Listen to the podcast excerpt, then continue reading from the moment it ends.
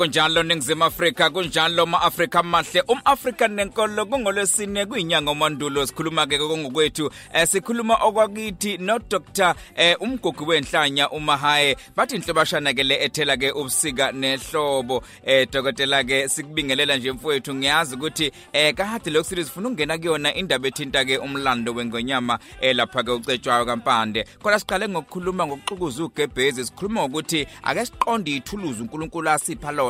Okukubaleka komqondo nendlela eh, ejule ngayo ingqondo yethu uNkulunkulu eh, eh, asipha yona ukuze sikwazi ukuthi ke siyithathele inqumo senze izinto eziphusile ngemqondo yethu. Kodwa kunamhlanje sifuna ukubheka usizi nobhlungu lapha kwabhekana nokubusa kwenkosi kumbe ngithi ingonyama lapha ke ucetshwayo kampande. Ngi- ngibone emehlweni dokotela ukuthi hayi namhlanje kuthanda ukujula kakhulu. Hayi ke macengwane eh jama kasilwane mfowethu. Baba. Eh eh namhlanje macengwane ngithi ake sibheke impamba ikweci yenkayankana yenkiyankiya.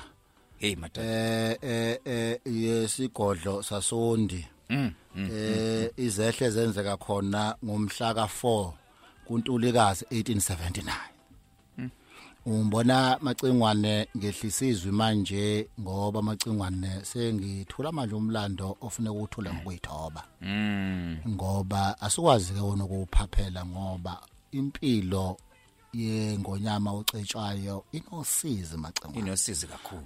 Enye macingane yengonyama engakuthola ngiphumula uma sikhuluma ngayo macingwane sifikelwa inyembezi kugobhoza igazi macingwane ngaphakathi ezibilini zethu. Sithi abengoni sithi uzulu omnyama eh eh, akazithobe. Eh akehlele ngezantsi eh azibuke yena. Ukuthi konje ukwethu seyikho nokwethu.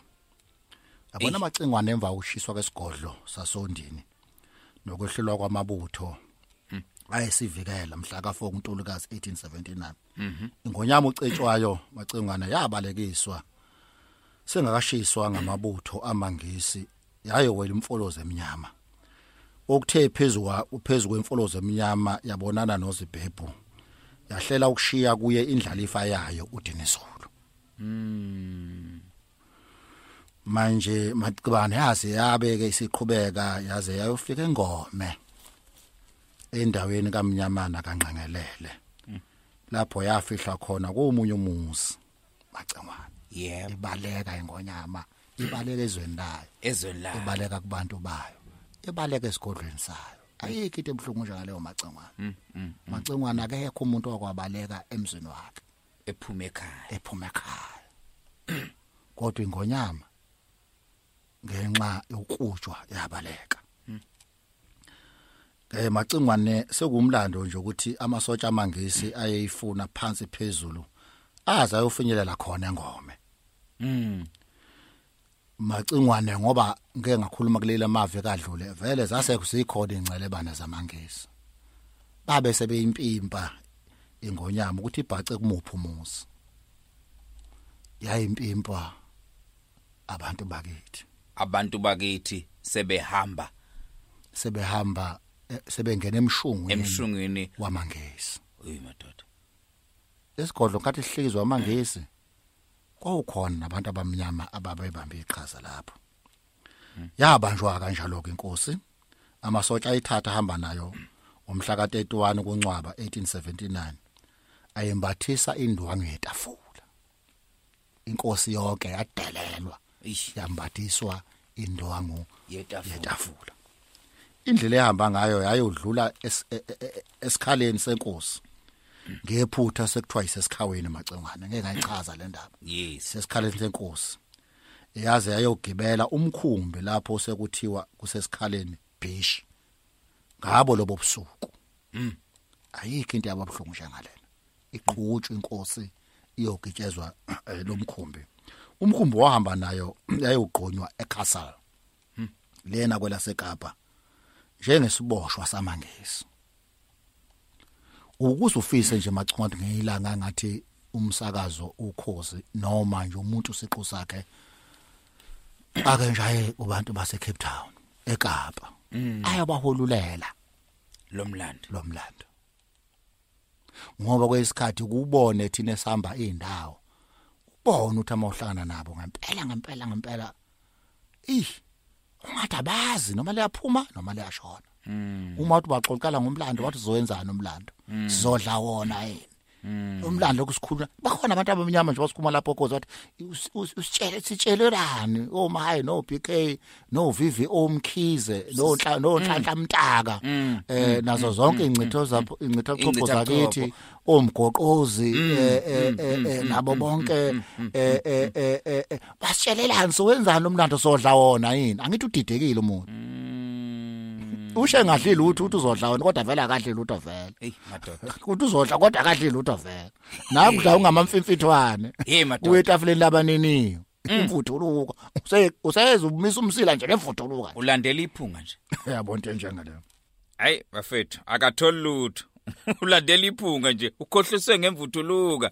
Hey madoda uyakhothoza nje emahlangeni. Eh kodwa into ebhlungu kakhulu ke uma ubheka ke eh lomlando eh eh nokuthi inkosi eh kumbe ngithi ingonyama yabanjwa kanjani eh uyathola ukuthi kwase kunamampunga esekhona dokotela eh kwase ngathi manje ingonyama eh njoba yayisivalelwe nje bese kukhona ukuvuma kuyona ukuthi izwe selingathatha kodwa futhi mawuhlaziya ubhekisisa umlando uyathola ukuthi ayikho lonto kwangamampunga nje. Ingonyama ebucetshwayo ayizange imbandakanywe esivumeleleni esasiqonda eqondene nokunqotshwa kwaZulu ngo1879 ngenkathi enqotshwa elapho ayebhace khona engome wayethathwa njengombaleki wayejahwe wabanjwa wathunyelwa kwiCastle. Ngakho ke khona bebeke bephushe into engekho. Kube sengathithi kukhona lapha ingonyama eyaba nokuvuma khona.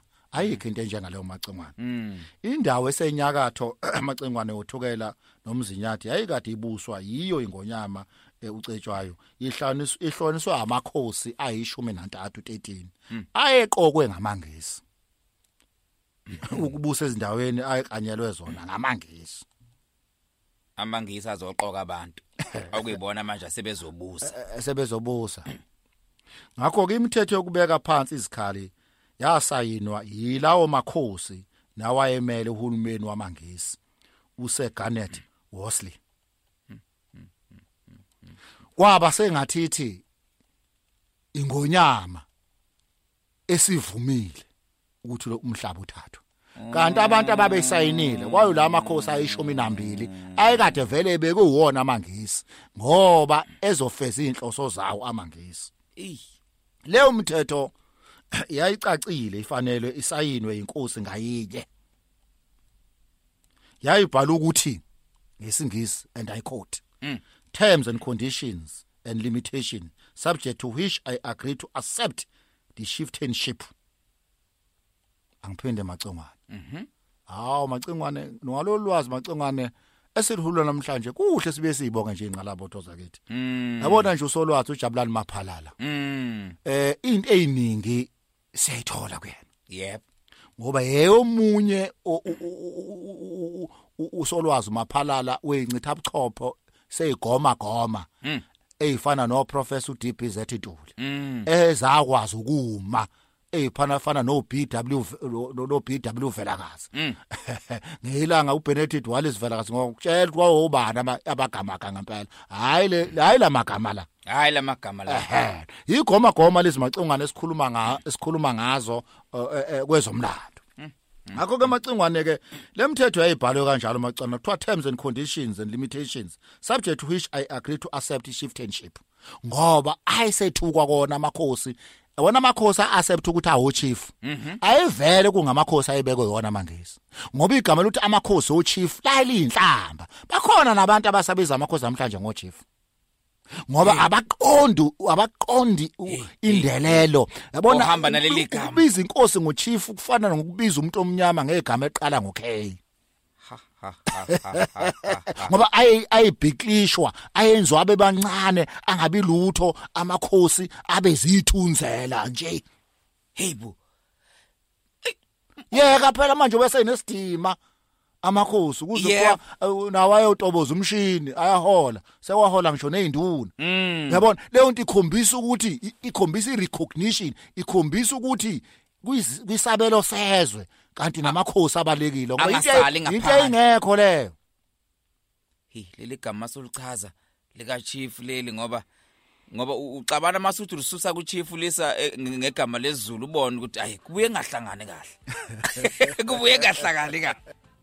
Hey dokotela angazi angazi. Kodwa ke eh mhlawumbe ngenxa yesikhathi sizophoqeleka ukuthi sibambe lapho mfowethu eh ngoba soqhubeka nangelizayo. Kodwa nje into engiyifundayo eh, njengoba usahulula umlando nje ukuthi izodliwanga nje kuphela ngempi. Eh kodwa kwase kukhona ukudayisana umnyoka eh nezimpimpi eh, ezazitshalwa yibo bokufika eh, ngenhloso yokudala uqhekeko. Njoba siyazi ukuthi babesebenza kakhulu ngalento abathi divide and rule. Kanti noma kanjani ngesonto elizayo sobe sesibheka ke ingxoxo lapha ke ezayithinta ke ukubuyisa kwengonyama eh, pheshwa kwelandla ukuthi obana baba eh, neqhaza elikhulu ekuthenini igcinisa ibuyile ke eh, ingonyama. Sihamba sihamba siye sibheke nezinto ezayehlela futhi sibuyile eh, khona khona la eningizimu Afrika. umAfrika nenkolo no Dr umgogo wezinhlanja mahaye qhubeka kusilandele nakuma podcast uzoyithola lezi ngxoxo.